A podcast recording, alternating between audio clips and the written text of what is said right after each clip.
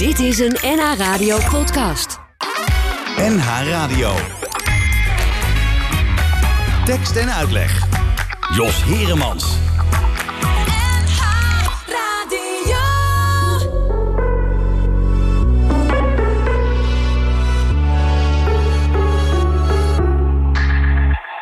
wil Ik heb de hele dinsdagavond niks om handen. En een tijdje terug lag ik nog te janken. Maar ik verander. Met de klok mee weer alleen. En meteen gooi ik met mijn kansen. Maar ik wil dansen nu. Ik wil huilen in de regen zonder paraplu. Zodat niemand kan vermoeden dat het slecht gaat. Dansen in de club is het of het weer omslaat. Omdat iedereen die met je danst. Ik toch wel weer vergeet. En ik kan een koele bloeden met mijn tranen en mijn zweet. Wel verdrinken in mijn woede. Niemand weet hoe ik heet. Mijn gemis bij mij compleet. Als ik te gelukkig was. Was ik leeg stond mijn hele leven waterpas. Moet huilen om te schrijven, verschuilen om te blijven. Vanavond moet ik dansen, vanavond moet ik dansen. Ik ben bang voor een nieuwe dag. Dus ik dans tot de pijn verzacht. Ik weet dat hij op me wacht, want de waarheid is hard, maar de avond is zacht. Want als ik hier voor altijd blijf, de club met het zweet in mijn lijf kan het leven niet herkansen. Vanavond moet ik dansen, vanavond moet ik dansen. Wordt later, ik zie een cirkel in de spiegel en ik haat er. Er is iets dat niet wil praten, maar dat is over voorbij. En als ik niet met de tijd dans, dan zijn wel met mij. En ik moet bewegen, ja, dansen in de club vul ik een leegte. En het tijdje lang hebben ze Maar de stemmen in mijn hoofd kom ik tegen. Ik heb zweet in mijn handen en pijn in mijn hoofd. Maar sinds 2001 heeft muziek me verdoofd. En ik voel mijn voeten, ze nemen me mee. Voor ik het weet is het kwart over twee. Moet dansen, adem in, adem uit. Adem maar niet, dat verstoort het geluid. Adem maar niet, want dan kunnen ze horen dat er iets leeft dat ze kunnen verstoren. Ik ben bang voor een nieuwe dag, dus ik dans tot de pijn verzacht. Ik weet dat hij op me wacht, want de waarheid is hard, maar de avond is zacht. Want als ik hier voor altijd blijf, de club met een zweet lijf kan het leven niet herkansen. Vanavond moet ik dansen, vanavond moet ik dansen. Wil dansen, ik heb de hele dinsdagavond niks om handen. En een tijdje terug lag ik nog te janken. Maar ik verander, met de klok mee weer alleen. En meteen gooi ik met mijn kansen. Maar ik wil dansen nu, ik wil huilen in de regen zonder paraplu. Zodat niemand kan vermoeden dat het slecht gaat, slecht gaat, slecht gaat. Ik ben bang voor een nieuwe dag. Dus ik dans tot de pijn verzacht. En ik weet dat hij op met de klok mee weer alleen. En meteen gooi ik met mijn kansen. Maar ik wil dansen nu, maar ik wil dansen nu. Maar ik wil dansen nu, maar ik wil dansen nu. Maar ik wil dansen nu. Vanavond moet ik dansen, vanavond moet ik dansen. Ik ben bang voor een nieuwe dag. Dus ik dans tot de pijn verzacht. Ik weet dat hij op me wacht. Want de waarheid is hard, maar de avond is zacht. Want als ik hier voor altijd blijf. De club voorspelt met een zweet in mijn lijf. Kan het leven niet herkansen. Vanavond moet ik dansen, vanavond moet ik dansen. dansen, Kan het leven niet herkansen. Vanavond moet ik dansen, vanavond moet ik dansen. Wil dansen, wil dansen, wil dansen. Kan het leven niet herkansen. Vanavond moet ik dansen, vanavond moet ik dansen. Dansen van Vrouwkje aan het begin eh, van deze tekst en uitleg. Ja, en als je wil dansen vanavond, dan moet je dat, eh, als je dat buiten wil doen... in ieder geval voor negenen doen. En als je thuis bent, eh, in je eentje of met maximaal één persoon erbij. Dat is nou eenmaal zo in deze tijden van corona. Het is helaas niet anders. Maar gelukkig heb je je radio nog. En op de radio zijn we natuurlijk altijd bij je... om je gezelschap te houden, ook in deze duistere tijden van corona. Vandaag in tekst en uitleg een speciale gast. Het is uh, José Kruijer. Uh, ze heeft een boek geschreven. Het heet uh, De Weddenschap. Dat is niet haar eerste boek. Ze is behalve schrijfster ook lerares in Heerhugowaard. En ze is eigenlijk op latere leeftijd begonnen te schrijven. Maar is nu genomineerd voor de Vrouwentriller van het jaar. En hoe dat allemaal zit en wat dat allemaal teweeg brengt bij haar... dat horen we zo dadelijk van José zelf. We zitten dus een beetje in de misdaadhoek deze dag. En daarom zoeken we de muziek daar ook een beetje bij. Dacht je bijvoorbeeld uh, van deze ballade van de moord van uh, Thijs Boontjes en uh, Roxane Hazes?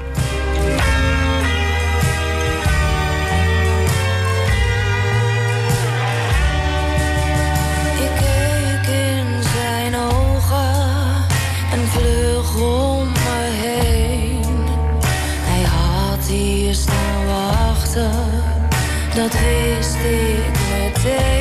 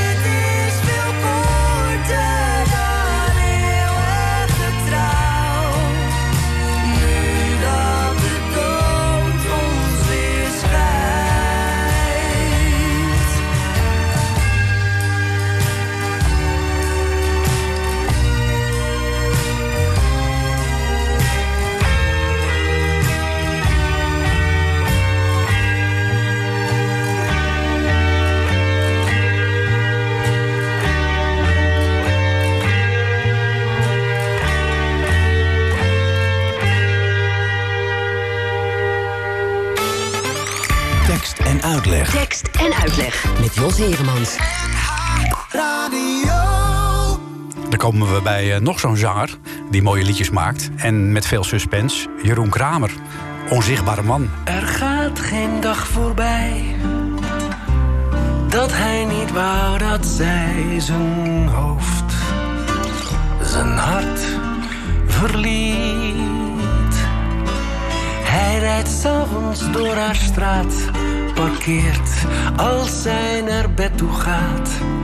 Zij waant zich onbespied. Onzichtbare man. Onzichtbare man. Zijn lens staat op haar raam gericht. Haar gordijn is nog niet dicht, ze uit haar kleren schiet. In zijn flat, waar je ook kijkt, geen plek waar haar portret niet prijkt. Zijn liefde kent geen limiet. Nee, hij verwijt haar geen verraad. Zij heeft geen weet van zijn bestaan. Maar zoveel liefde, zo versmaad, kan toch niet langer verder gaan.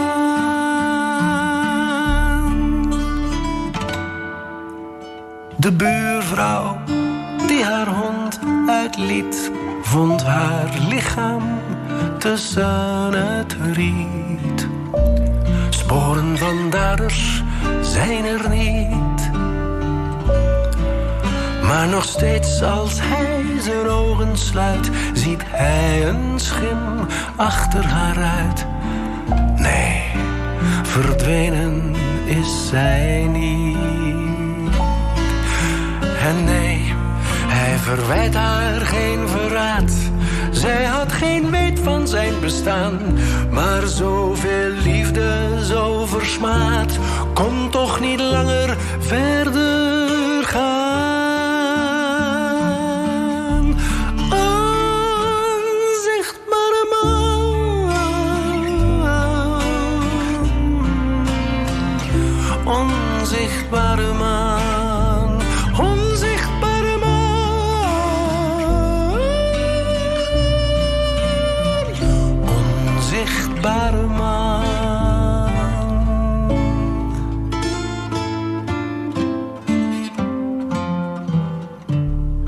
onzichtbare man van Jeroen Kramer. En eh, Jeroen Kramer die eh, maakt nog steeds eh, hele mooie liedjes. Hij blijft daar gewoon vrolijk mee doorgaan. En iedere keer publiceert hij dan weer een, een nieuw liedje... op de diverse kanalen, op Spotify en op YouTube. En dit is zijn laatste bijdrage. Is pas één dag uit en nu al te horen hier bij NA Radio. Eh, ik had het al beloofd, we zouden het vandaag gaan hebben over eh, spannende boeken. En dat doen we met eh José Kruijer. José Kruijer uit Herugewaard. En als het goed is, hebben wij via allerlei technische hoogstandjes... een prima verbinding met haar zolderkamer. Goedemiddag, José. Hallo, goedemiddag. Ja, ben hoor, ik zit hier prima op de zolderkamer. Op de zolderkamer. Als je naar buiten kijkt, wat zie je dan? Nou, hier is nog hartstikke lekker weer hoor. Dus voor de rest eh, is het hier landelijk. Hè. Ik zit in het landelijke gedeelte van Herengewaard. Oh, is er ook een niet-landelijk gedeelte? Nou, je hebt ook meer een stadsgedeelte hè, waar Middenwaard zit en eh, waar meer de winkels en zo zijn. Ik zit hier meer in de polder. Ik Ja. kan hier een heel eind eh, wegwandelen. Ja, dat scheelt weer natuurlijk in deze tijden van Ja. corona. Dan kom je niet zo gauw iemand tegen en, en ben je in, met veel mensen tegelijk. Nee, zeker. Lekker hoor. Hier is het gewoon lekker rustig. Ja. En is dat ook de plek waar jij het meeste schrijft op die zolderkamer? Maar het liefst schrijf ik aan de keukentafel. Dat, eh, dat is voor mij gewoon een plek waar ik lekker bij de tuin zit... maar ook nog mensen op straat zie lopen... waardoor ik toch eh, soms nog wel weer eens ex- extra inspiratie krijg. En dan zit ik dicht bij de koffie en eh, ja, dat vind ik een hele lekkere plek. Maar goed, nu is het in deze tijd van thuiswerken natuurlijk een beetje af en toe ruilen met de plekken, hè? Ja, ja want laten we, laten we eerst eens even kijken naar wie José Kruijer is uit uh, Herugewaard. Want jij bent eigenlijk op latere leeftijd begonnen met schrijven. Ja, dat klopt. Hoe zit Ja. dat? Nou, nou eh, het zit zo dat eh, ik sta in dagelijks leven voor de klas. Ik eh, werk op een basisschool en ik geef les aan groep 3, 4, 5. In mijn privéleven doe ik heel graag dingen met creativiteit. En ik heb heel lang slagzinnen ingestuurd voor prijsvragen. En daar heb ik echt wel voor 25.000 euro aan prijzen mee gewonnen in Wat een paar jaar tijd. 25.000 euro Ja, aan prijs. ja. En wat zijn, wat zijn dat dan voor slagzinnen? Nou, dat waren meer slagzinnen ja, bij een supermarkt met een prijs of een weekendje weg. Of ja, je kon het zo gek niet bedenken. Maar op een gegeven moment had ik natuurlijk het trucje wel een beetje door. Want er is wel een, een soort trucje natuurlijk dat je door hebt dat iets werkt. En dan probeer je dat nog eens bij een andere prijsvraag ook. En dat heeft meer met opvallen te maken. Ja, ik zal het niet helemaal vertellen, want heel af en toe doe ik er natuurlijk nog wel eens ergens Nou, ik wil, het, ik wil dat trucje natuurlijk wel graag weten. Nou, het heeft natuurlijk te maken met opvallen. Als ze vragen, stuur iets in via de mail. En je moet er bijvoorbeeld bij zetten van eh, prijsvraag voetbalspel of zo. En je schrijft alleen op prijsvraag voetbalspel. Ja, dan win je meestal niet. Want eh, ze krijgen natuurlijk 500 mailtjes binnen met prijsvraag voetbalspel. Dus ja, dan moet je er iets bij zetten. Een eh, rijmpje of een eh, opvallend iets waarvan ze denken... ja, die mail halen we eruit. Aha. En zo gaat het ook eh, als ze een bus met inzendingen omkiepen. En er zitten allemaal honderd witte blaadjes in. En jij doet er een gele tussen, daar val er je op. zit iets anders bij. Ja. en dat heeft heel veel gewerkt. Maar op een gegeven moment werd dat natuurlijk voor mijn gezin zo gewoon. Ik zal niet zeggen dat ze verwend waren, maar ze raakten er wel aan gewend. Dat ik dacht, ja, dan zaten we iedere paar maanden in een En eh, vonden ze dat heel normaal. Ja. En ook als ze zelf meededen aan een prijsvraag, dachten ze ook van, eh, ik ga winnen. En? Dus toen dacht ik, ik stop er een tijdje mee. Maar toen wilde ik mijn creativiteit natuurlijk wel gebruiken. En ik kon tijdelijk niet sporten. En toen dacht ik, nu ga ik een cursus volgen bij een schrijfster. En nu ga ik gewoon doorpakken. Ja. eh, om te kijken hoe ver ik kan komen. Ja, kun, kun je niet een paar van die, van die slogans noemen die jij bedacht hebt? benieuwd. Nou, ja, dat weet ik niet zo heel goed meer. Het is al nu wel echt wel jaren geleden. Maar het ging meer om dat je. eh, ja, ik kan niet alles verklappen. Maar het heeft er meer mee te maken dat je natuurlijk wel iets met eh, de filosofie van het bedrijf Ja, in je slogan ik. gebruikt. Of Ja. dat je je goed verdiept in een website. Hmm. Eh, ja, daar heeft het wel mee te maken. Ja, dus, Maar dus als je op een gegeven moment ja, zat ik echt op hele luxe plekken. In, in een hotel waar ook altijd Beatrix slaapt in Den Haag. En ik heb er echt ook heel veel mensen in mee laten delen. Hoor, want, En wat, wat heb je eh, daarvoor moeten doen om eens in een hotel te komen waar, waar Beatrix eh, verblijft? Eh, nou, is ik nou- weet niet meer waar dat mee was. Maar ik weet wel dat ik met een vriendin ging en wij gingen met de trein. En er stond er zo'n nou ja, zo'n iemand bij de draaideur. En die zei: Mag ik uw auto sleutelen? en toen zei ik: Nee, wij zijn met de trein. Nee, nou, toen ja. voelden we ons natuurlijk wel heel Ja, ja. provinciaal. Maar jij hebt daar wel zijn- talent voor dus. Ja, ja wel Ja. ta- talent met taal. Ja, Ja, en heeft dat, er altijd, te maken. heeft dat er altijd in gezeten? Was jij ook altijd degene Ja. die een tien had voor zijn opstellen op de lagere school? Nou, dat was wel hetgene wat ik echt het allerleukst vond. En dat heeft me ook wel aangetrokken in het onderwijs natuurlijk. Maar Mhm. hetgene wat me het meeste aantrekt is eh, iets creëren wat er nog niet is. En eh, je fantasie gewoon gebruiken. Ik kan natuurlijk als ik ga schrijven eh, alles bedenken wat ik wil. Ja. Hoe iemand eruit ziet of waar het zich plaatsvindt. Of, ja, of dat het op een zonnig eiland is of juist niet.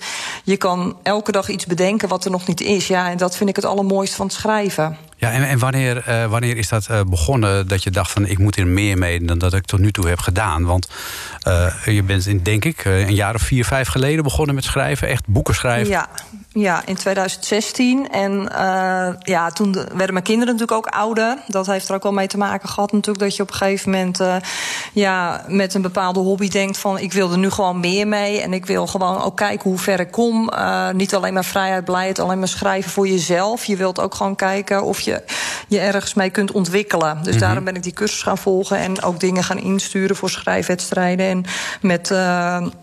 met dingen gaan meedoen en zo. En toen dacht ik, ja, ik krijg wel positieve feedback. En ja, er valt altijd nog dingen te leren natuurlijk. Maar ik, ik voel wel dat ik mezelf ontwikkel. En dat wil ik ook heel graag. Ja, ik las natuurlijk ook al heel erg veel. Daar heeft het ook wel mee te maken. Ja, dat doe je automatisch En op een gegeven moment komt een punt dat je denkt eh, dat je iets gelezen hebt. Ik zal niet zeggen wat, want het, het is niet dat, dat het is van... eh, ik heb dat boek gelezen, oh, dat kan ik ook wel. Nee, precies. Maar daar leek het wel op dat ik op een gegeven moment dacht van... ja, maar dit Oh. kan ik, ik denk dat ik dit ook wel kan. Er zit natuurlijk ook een bepaalde structuur in zo'n boek die je op een gegeven moment ontdekt, waardoor je het misschien eh, denkt eh, aan te kunnen om het ook te doen. Ja. Ja, dat ook. En dat je gewoon op een gegeven moment ook meer... Ja, vanuit mijn werk heb ik natuurlijk heel veel met mensen te maken. Ik kan mensen niet letterlijk in mijn boek verwerken natuurlijk... maar je komt wel tot heel veel mensenkennis. En ja, dat heb ik wel nodig voor mijn boeken natuurlijk. Ja. En, en wat voor boeken las jij dan voordat jij zelf ging schrijven? Eh, ik lees veel van Nederlandstalige schrijvers. Eh, ik hou wel van spannende boeken. Ja, ook wel van romans hoor. Maar want ik schrijf zelf. Eigenlijk schrijf ik zelf gewoon een kruising tussen een roman en een thriller. Het is niet een thriller dat iemand denkt: ik pak een thriller. Dit is met bloed en eh, moord en doodslag en zo. Maar het is meer een combinatie. En Ja. wat ik zelf schrijf, ja, dat lees ik eigenlijk ook het liefste. Oh ja, en, en, en zi- zit jij dan in de, in de hoeken van bijvoorbeeld Charles Dentex? Of zit je meer in de schrijvershoeken van Suzanne Vermeer? Wat, wat, wat, wat voor... Ja, of eh, meer uh, Loes den Hollander vind ik mooie Ja. boeken. Ook eh, wel wat gewoon eh, wat meer gaat over mensen zoals jij en ik. En eh, waarvan je denkt, dit zou ook mijn buurvrouw kunnen zijn. Ja, Ja. meestal doen ze ook wel dingen waarvan je denkt, dat doe ik zelf niet. Maar het is meer dat je denkt, het zou iemand gewoon in mijn omgeving kunnen overkomen. Ja, het kan je wel gebeuren. Ik zit me trouwens te bedenken. We hebben in Noord-Holland nogal wat van die schrijfsters, met name schrijfsters, eh, Ja. die dit genre beoefenen. Loes den Hollander noem Ja. jij al, maar Saskia Noord is natuurlijk Noord-Hollandse. Ja, en Eh, Simone van der Vlucht. Simone van der Vlucht. Eh, kortom, Carla de Jong. Ik denk dat die ook uit Noord-Holland Ja. komt. Ja. Dus dat zijn er nogal wat. Ja, zeker.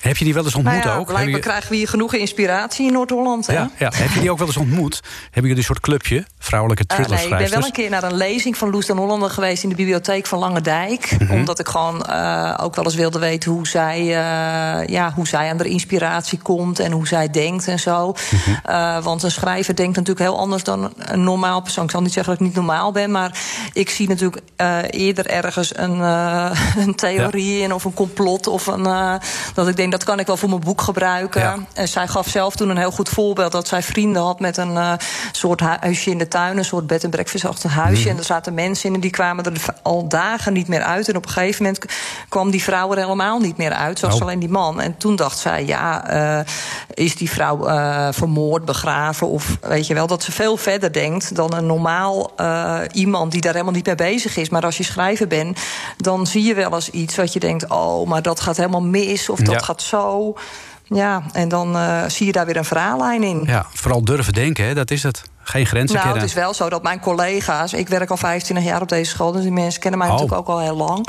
eh, dat die wel eens tegen mij zeggen van... nou, dit is een mooie verhaallijn. Of dit is wel wat voor je boeken. Ja, ja. Eh, mensen roepen zelf wel eens wat. Of eh, je kan- mag mijn naam wel een keer gebruiken. Of ik wil jouw personage wel zijn.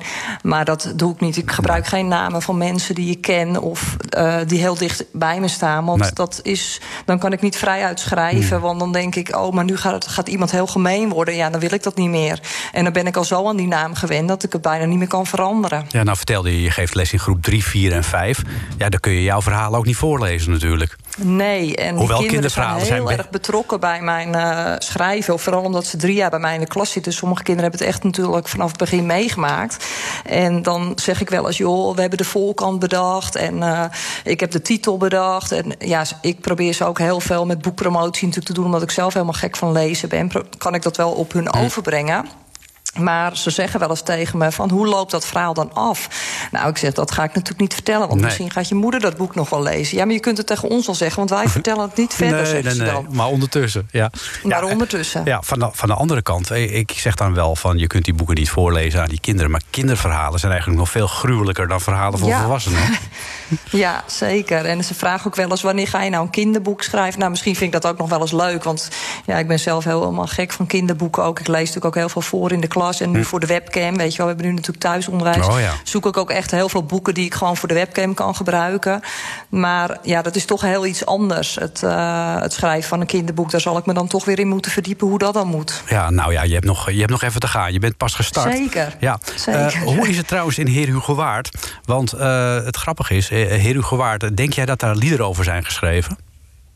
Dat daar? Liederen over zijn geschreven, over Heer Hugo Waard. Oh, nou wel over de polder natuurlijk. Wij hebben natuurlijk ook een, eh, een lied wat gewoon echt over Herengewaard gaat. Eh, misschien meer van vroeger, maar echt een modern lied, dat weet ik niet echt. Ik heb er een gevonden.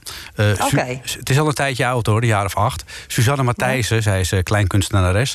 En eh, zij eh, heeft een ode geschreven aan Heer Hugo Waard. Dus Nou, ik ben eh, benieuwd. ik eh, stel voor dat we daarna gaan luisteren... en dan praten we daarna verder eh, over jouw boeken. Ja, prima. Leuk.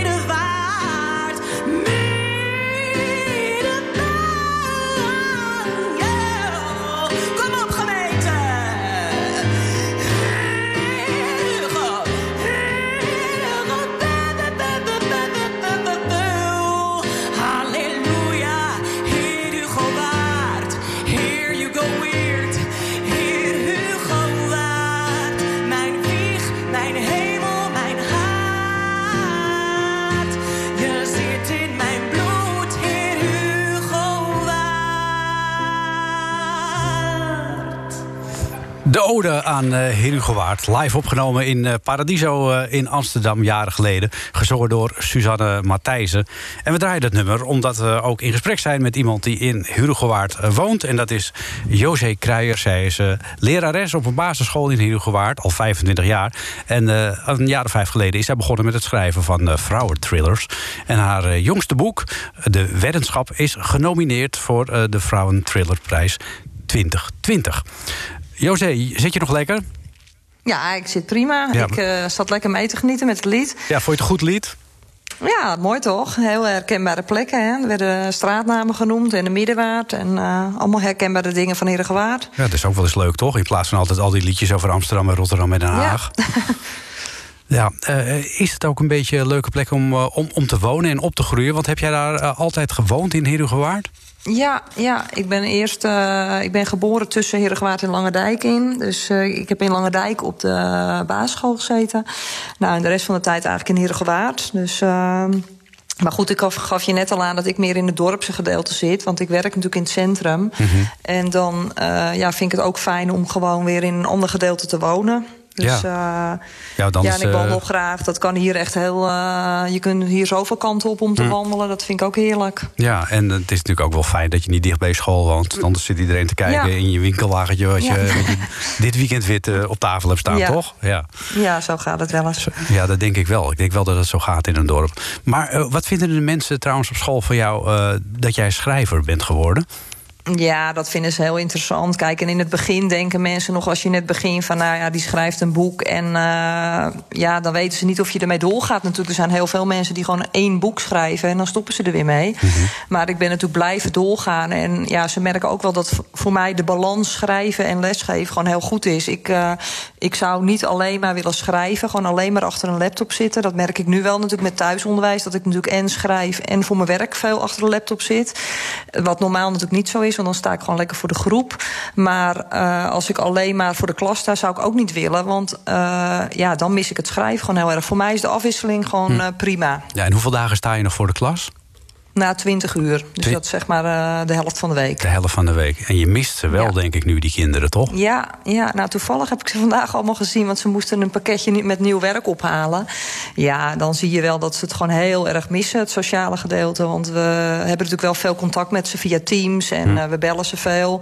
Maar kinderen hebben eigenlijk heel weinig vragen over het werk. Ze willen gewoon eh, hun nieuwe kleren laten zien of de hamster of iets vertellen wat ze hebben beleefd. Dat is wat heel erg leeft bij kinderen nu. Ja, moeten nog even volhouden. hè. 8 februari, Ja. dan moet het weer gaan gebeuren. Denk je dat het lukt? Ja, nou, ik zal me er niet te veel in mengen. Maar eh, ik denk wel van ja, dat zal wel lastig worden. Ja. Eh, maar goed, eh, daarna gaat het nog om een weekje tot de voorjaarsvakantie Oh. natuurlijk. Ik denk ja, misschien dat ze dat ene weekje er dan nog bij trekken. Hmm.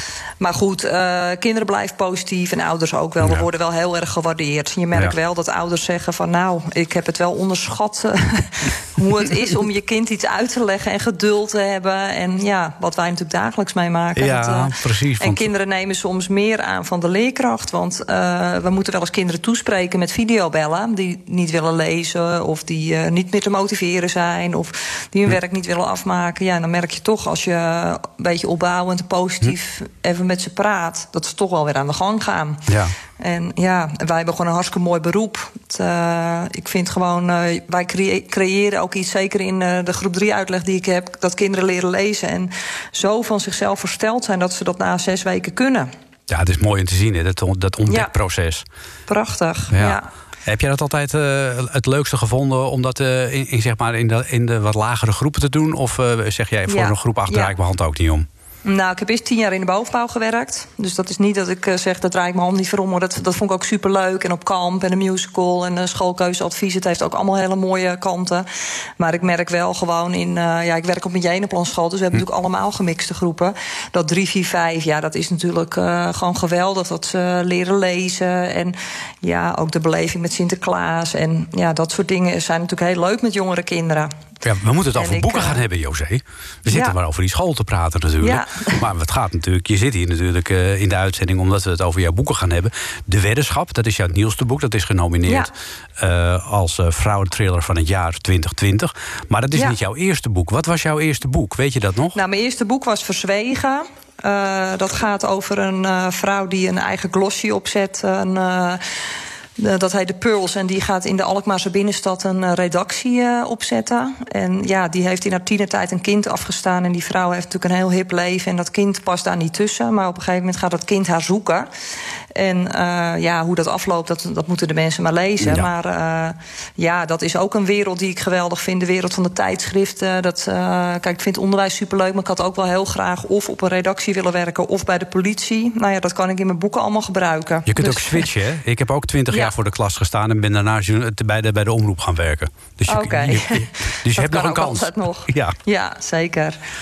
Maar, maar die, die- die, wereld trek je dus aan, zeg maar. Ja. Dat was voor je Ja. eerste boek. En, ja, dan Dat was voor mijn eerste boek. En het tweede boek ging over iemand die eh, vanuit Amsterdam eh, naar Schorrel verhuist en daar op een basisschool gaat werken. Ja, dat was voor mij natuurlijk een bekende wereld. Eh, het enige moeilijke was dat ik natuurlijk geen dingen van mijn eigen school, mijn eigen collega's, de ouders van school letterlijk kon gebruiken. Maar goed, ik heb er dingen in gebruikt die op elke school gebeuren. Dus het zal heel herkenbaar zijn voor mensen met kinderen op een basisschool en ook voor mensen die in het onderwijs werken. Mhm. Omdat er gewoon dingen gebeuren die ze heel erg goed eh, kunnen herkennen. Ja, en eh, even kijken. Dit is jouw vierde boek nu, hè? Denk ik. Even kijken. Nee, eh, Is dit de nu? weddenschap is mijn, mijn derde boek, Je maar ik ben wel met mijn vierde boek bezig. Ah, ja. zo zit het, ja. ja, ja want de, de titels van jouw boeken... die, Ja. die, die duiden ook wel op bepaalde dingen. Ik moet zeggen, de titel van jouw, voor, van jouw vorige, vorige boek... die die moet je toch even Ja. uitleggen. Manzanilla. Ja, dat nou, deed- het was zo, want eh ja, titel kiezen is natuurlijk heel eh, persoonlijk. Van ja, je wil niet te veel verklappen, maar het moet wel nieuwsgierig maken. Mhm. Nou, verzwegen maakt natuurlijk wel nieuwsgierig. Wat is er verzwegen? Manzanilla gaat over een manier hoe, iemand, hoe je iemand om kunt brengen. Oh, En dat klinkt een beetje luguber. Maar als je aan het schrijven bent, dan denk je... nou, ja, dan moet iemand hier eigenlijk wel eh, doodgaan. En hoe zal ik dat doen? Ja, dat ligt meest voor de hand iemand dood te schieten... of eh, met een mes of iets anders. Maar ik dacht, ik wil iets wat niet gelijk eh, herkenbaar is. Dus manzanilla is een giftige appel. Aha. Giftige appelboom. En degene waar dit over gaat, die is ook op Curaçao geweest. En daar staat ook zo'n boom. Het is ook de boom des doods. En als je dat gaat googlen, ja, dan moet ik in mezelf altijd lachen. Dan denk ik, ja, als, als de politie in mijn laptop gaat zoeken... dan komen ze ook allemaal dingen tegen hoe, hoe je iemand om kan brengen. Ja, dat, eh, maar dat eh, zoek ik natuurlijk voor mijn boeken. En toen kwam ik dit tegen. Toen dacht ik, ja, dit is wel heel origineel. Want eh, eh, net wat, eh, wat u net zegt van de manzanilla. Ja, wat is het? Wat, wat is het dan? Nou, daar kom je wel achter als je het boek leest. ja, en de weddenschap, eh, dat is ook een hele duidelijke titel van je, van je jongste nou, de weddenschap maakt ook wel nieuwsgierig van ja, wat heeft iemand dan gewet en is dat verkeerd afgelopen? Ja, dat is natuurlijk verkeerd afgelopen. Het gaat over iemand die in haar tienertijd via joyriding iemand aanrijdt en dat verzwijgt.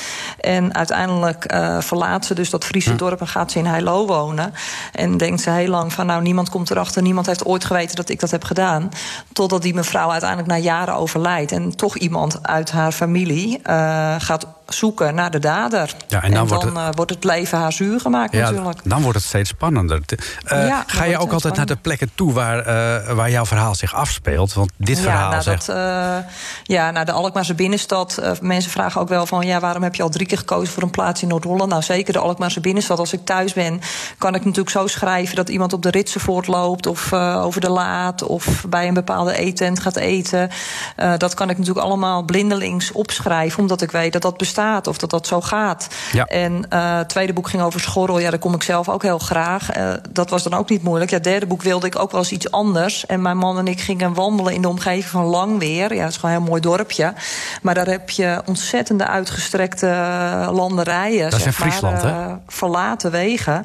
En dat ik zei tegen mijn man... nou, hier kan je makkelijk iemand s s'nachts aanrijden... en op straat laten liggen. Er is niemand die dat door heeft. Nou, toen dacht ik, dat is het. Ja, daar denk jij aan als je met je man gaat wandelen. Hier, dit is een goede Ja. plek om iemand aan te rijden. Ja, dit is goed, een goede plek om iemand te laten liggen s'nachts. Oké, nou ja, dat Maar eh, goed, hij denkt inmiddels ook mee hoor. Oh. Hij eh, zegt inmiddels ook wel van, nou dan kan je dit of dan kan je dat. Eh, hij komt ook wel met goede ideeën. En komen er ook, want in, in, in dit boek, de weddenschap, daarin komt ook een, een puberduo voor, de Ja. kinderen. Jij hebt zelf ook kinderen in die leeftijd. Ja, Ja, mijn kinderen zijn 16 en 18. Nou, het is niet eh, een autobiografisch boek. Het is niet dat je denkt eh, dat dat mijn kinderen zijn of zo. Want ik heb eh, twee jongens. Dit gaat over een puber tweeling die bijna 18 wordt, een jongen en een meisje. Het zijn gewoon hele herkenbare dingen. Mensen die pubers hebben, die weten dat dit met pubers gebeurt. Dat ze heel veel eten en dat alles altijd op is met het eten. En dat ze ja, uitslapen of ja, dat soort dingen gebeuren. Alleen is er in dit boek wel met een van die kinderen wel iets aan de hand. En dat heeft natuurlijk met haar verleden te maken. Dat op een gegeven moment iemand uh, probeert in haar gezin te dringen. En uh, ja, je kunt gewoon dingen gebruiken van school. Hoe zij dat doen met school en examen doen. Ja, dat zijn gewoon hele herkenbare dingen. Dus, Ja. En ik wil eigenlijk ook iedere keer een heel ander hoofdpersonage. In mijn eerste boek was dat iemand die single was, die geen partner had. En uh, ja, gewoon een heel ja, hip leven met van alles en nog wat, uh, wat ze aan het doen was. Tweede was iemand met jonge kinderen, echt met, uh, met de kleuter en zo erbij. En de derde keer iemand met pubers. Dus ja, je wil iedere keer gewoon een hele andere situatie. Dat kan ik me voorstellen. Blijf jij zelf wel een opgewekt mens, ondanks het feit dat je al die gruwelijke dingen moet bedenken? Ja hoor. Zeker, zeker. Ja. ja. Nou, nee, uh, ik, uh, ik heb natuurlijk zoveel ideeën en die moeten er gewoon uit. Dus ja, daarom ben ik ook met een vierde boek begonnen. Omdat ik natuurlijk in die vorige lockdown had ik mijn boek ingeleverd voor redactie. Nou, het werkt eigenlijk zo dat als je iets inlevert dat iemand anders het gaat lezen voor het eerst. Ja, dat is ook een heel spannend moment. Dat is gewoon bijna een jaar alleen maar van jezelf geweest. Niemand heeft het gelezen. En dan gaat de redacteur het lezen. Ja, dat duurt een paar weken voordat je terugkrijgt. Ja, dan moet ik gewoon weer aan iets anders beginnen. Dan moeten toch weer uh, mijn ideeën eruit. Ja, jij kunt niet stilzitten. Uh, we, nee. we, praten zo uh, verder met jou. En dan kunnen we onder andere even aan de orde stellen... hoe je kunt stemmen op Vrouwentrailer van het jaar. Want dat kan nog tot komende zondagavond 12 uur. ondertussen ja. bekijken wij de situatie nu eens een keertje... niet vanuit de dader, maar vanuit het lijk. En dat doen we met Adelle Bloemendaal.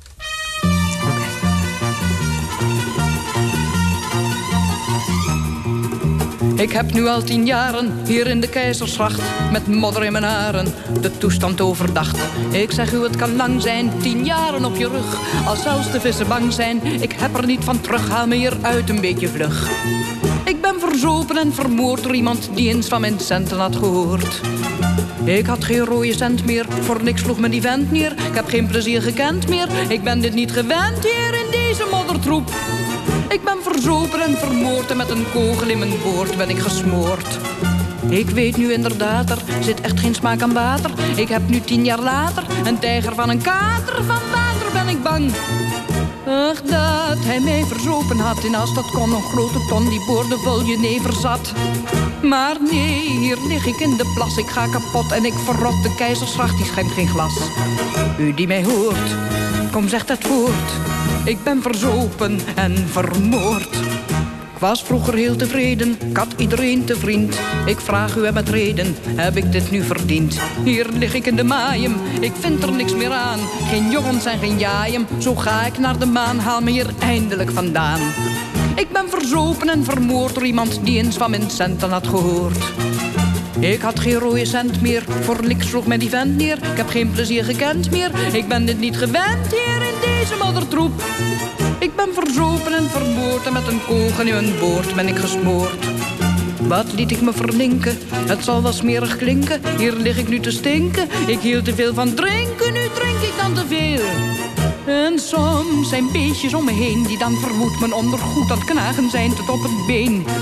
Kijk, kijk, een plantje groenig spul groeit uit mijn kop in het water op. Wat heb ik aan die flauwekul? U die mij hoort, kom zegt het voort. Ik ben verzopen en vermoord, vermoord. Ja, trieste verhaal van uh, Adelle Bloemdaal op uh, de bodem van de Keizersgracht. We praten in tekst en uitleg uh, vandaag met José Kruijer. Zij is schrijfster, ze woont in Heergewaard. Ze staat ook voor de klas, dat doet ze al 25 jaar. Best lang, José. Ja, zeker. Nou, het verveelt nog steeds niet. Echt niet?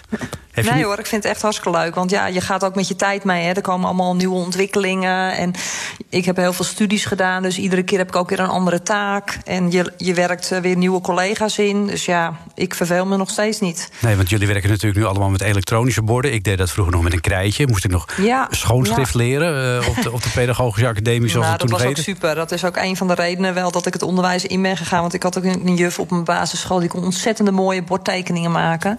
En toen dacht ik, ja, dat wil ik ook. Dat vind ik super mooi. Ja, en een van de leukste dingen, nu we het toch even over het onderwijs weer hebben, uh, is natuurlijk het voorlezen.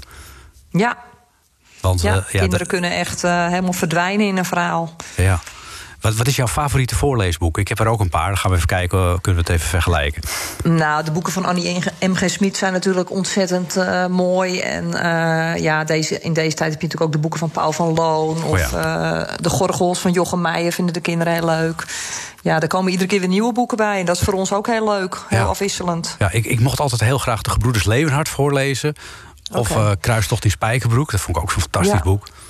Heel spannend. Ja, heel spannend, heel spannend. En de, ja, de kinderen hangen dan aan je lippen. En dat soort verhalen, dat vertel jij natuurlijk elke dag aan die kinderen. Ja, ja, zeker. Maar kinderen geloven ook bijna alles wat je zegt, hè? Ja, ja dat is wel een Je, voordeel. wel eens, je maakt wel eens een grapje, maar dan moet je wel eens daarna zeggen: dit was een grapje. Ja.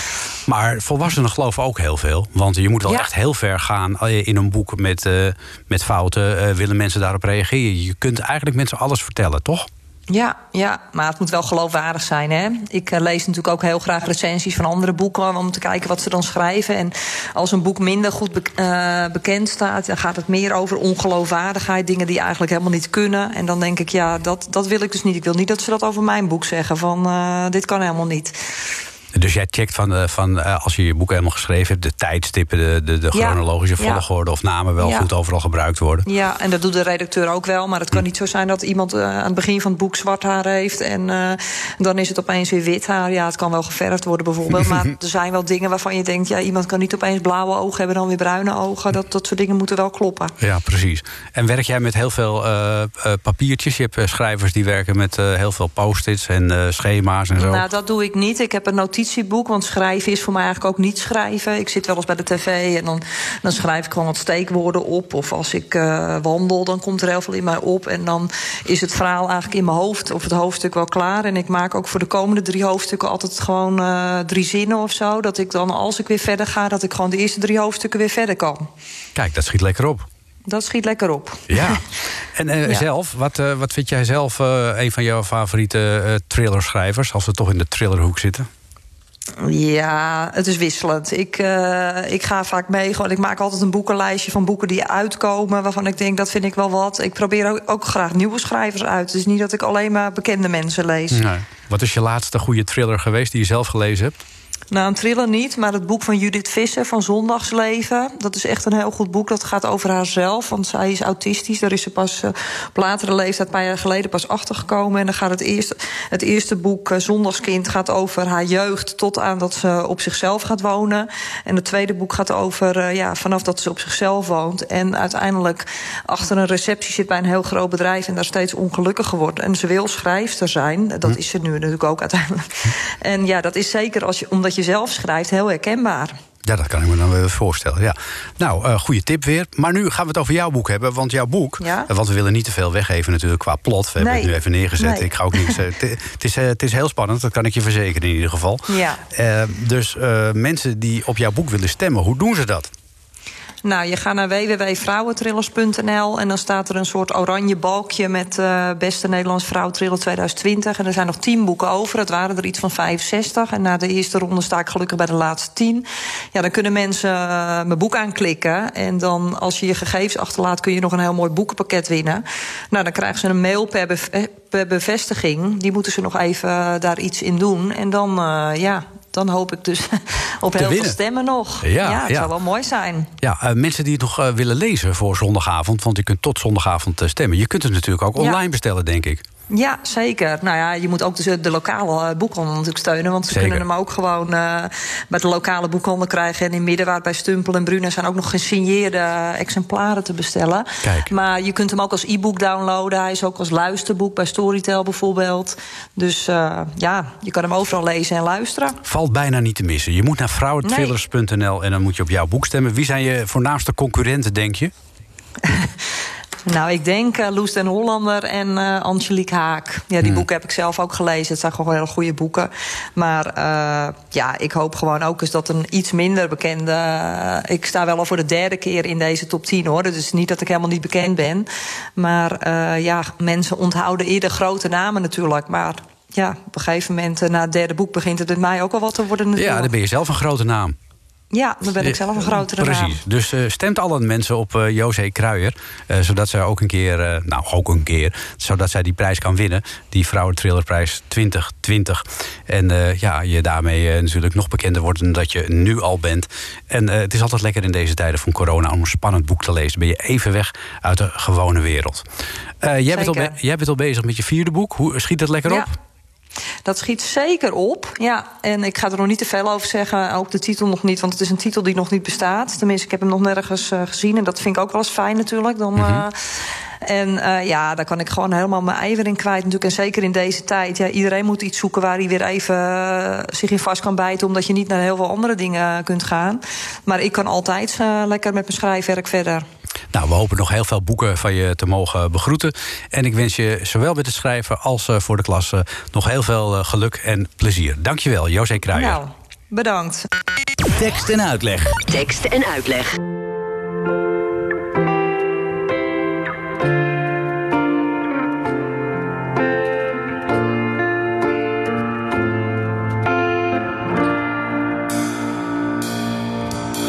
Ze zeggen ik niet te hard moet proberen.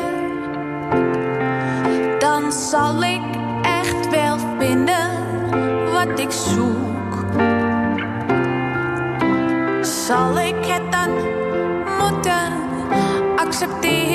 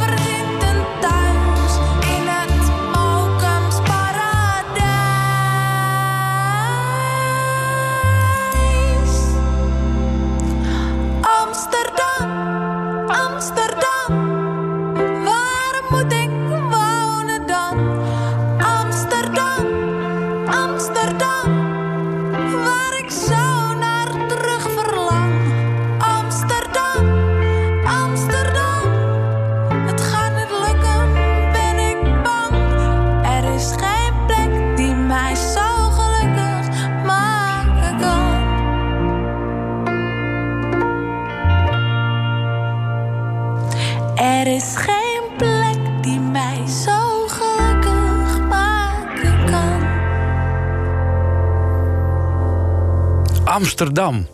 Eh, denk je dat de titel is van dit nummer, maar dat is het niet. Het is eh, namelijk eh, Geluk. Het is een nummer van Sophie Straat. En Sophie Straat is een kunstenares en ook zangeres...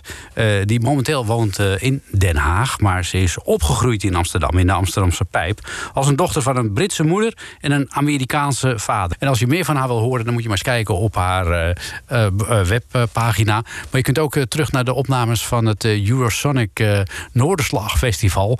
eh, op eh, YouTube bijvoorbeeld. En daar vind je heel veel eh, leuke opnames. Een aantal nummers van haar, van deze Sophie Straat. Niet alleen nu is er woningnood, die was er vroeger ook al hoor. Daar zong eh, Boudewijn de Groot bijvoorbeeld over.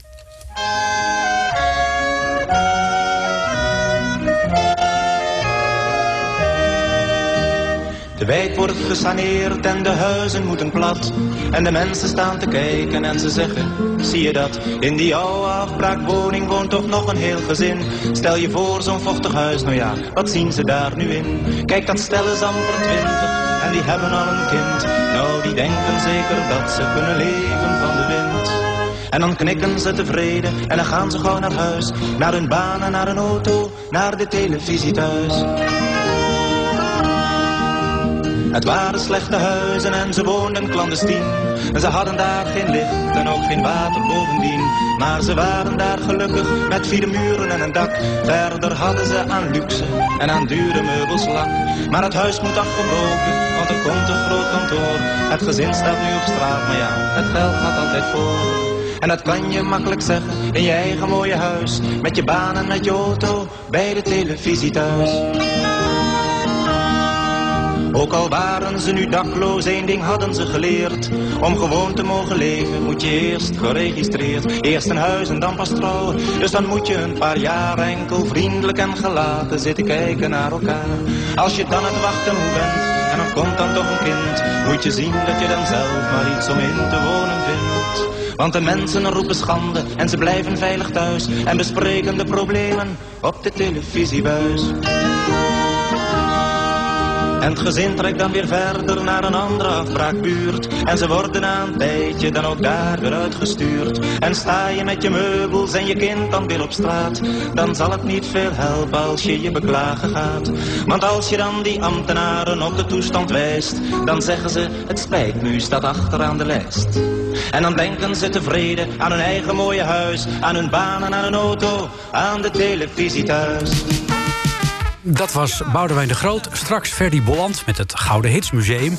En ik stuur je de zaterdagavond natuurlijk niet in zonder een versje uit de bundel Lichte Versen in Zware Tijden. De slager van ons dorp is overleden. Hij wordt door menigeen beweend. Hij is volgens familieleden vandaag in kleine kring al uitgebeend. Ik wens je nog een gezellige zaterdagavond.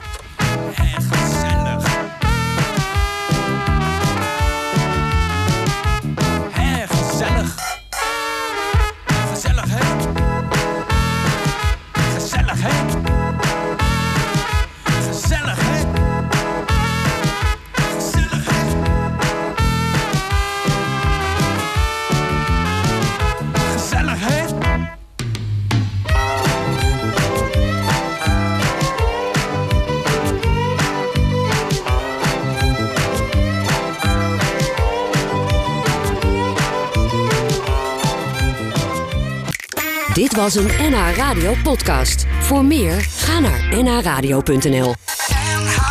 Radio.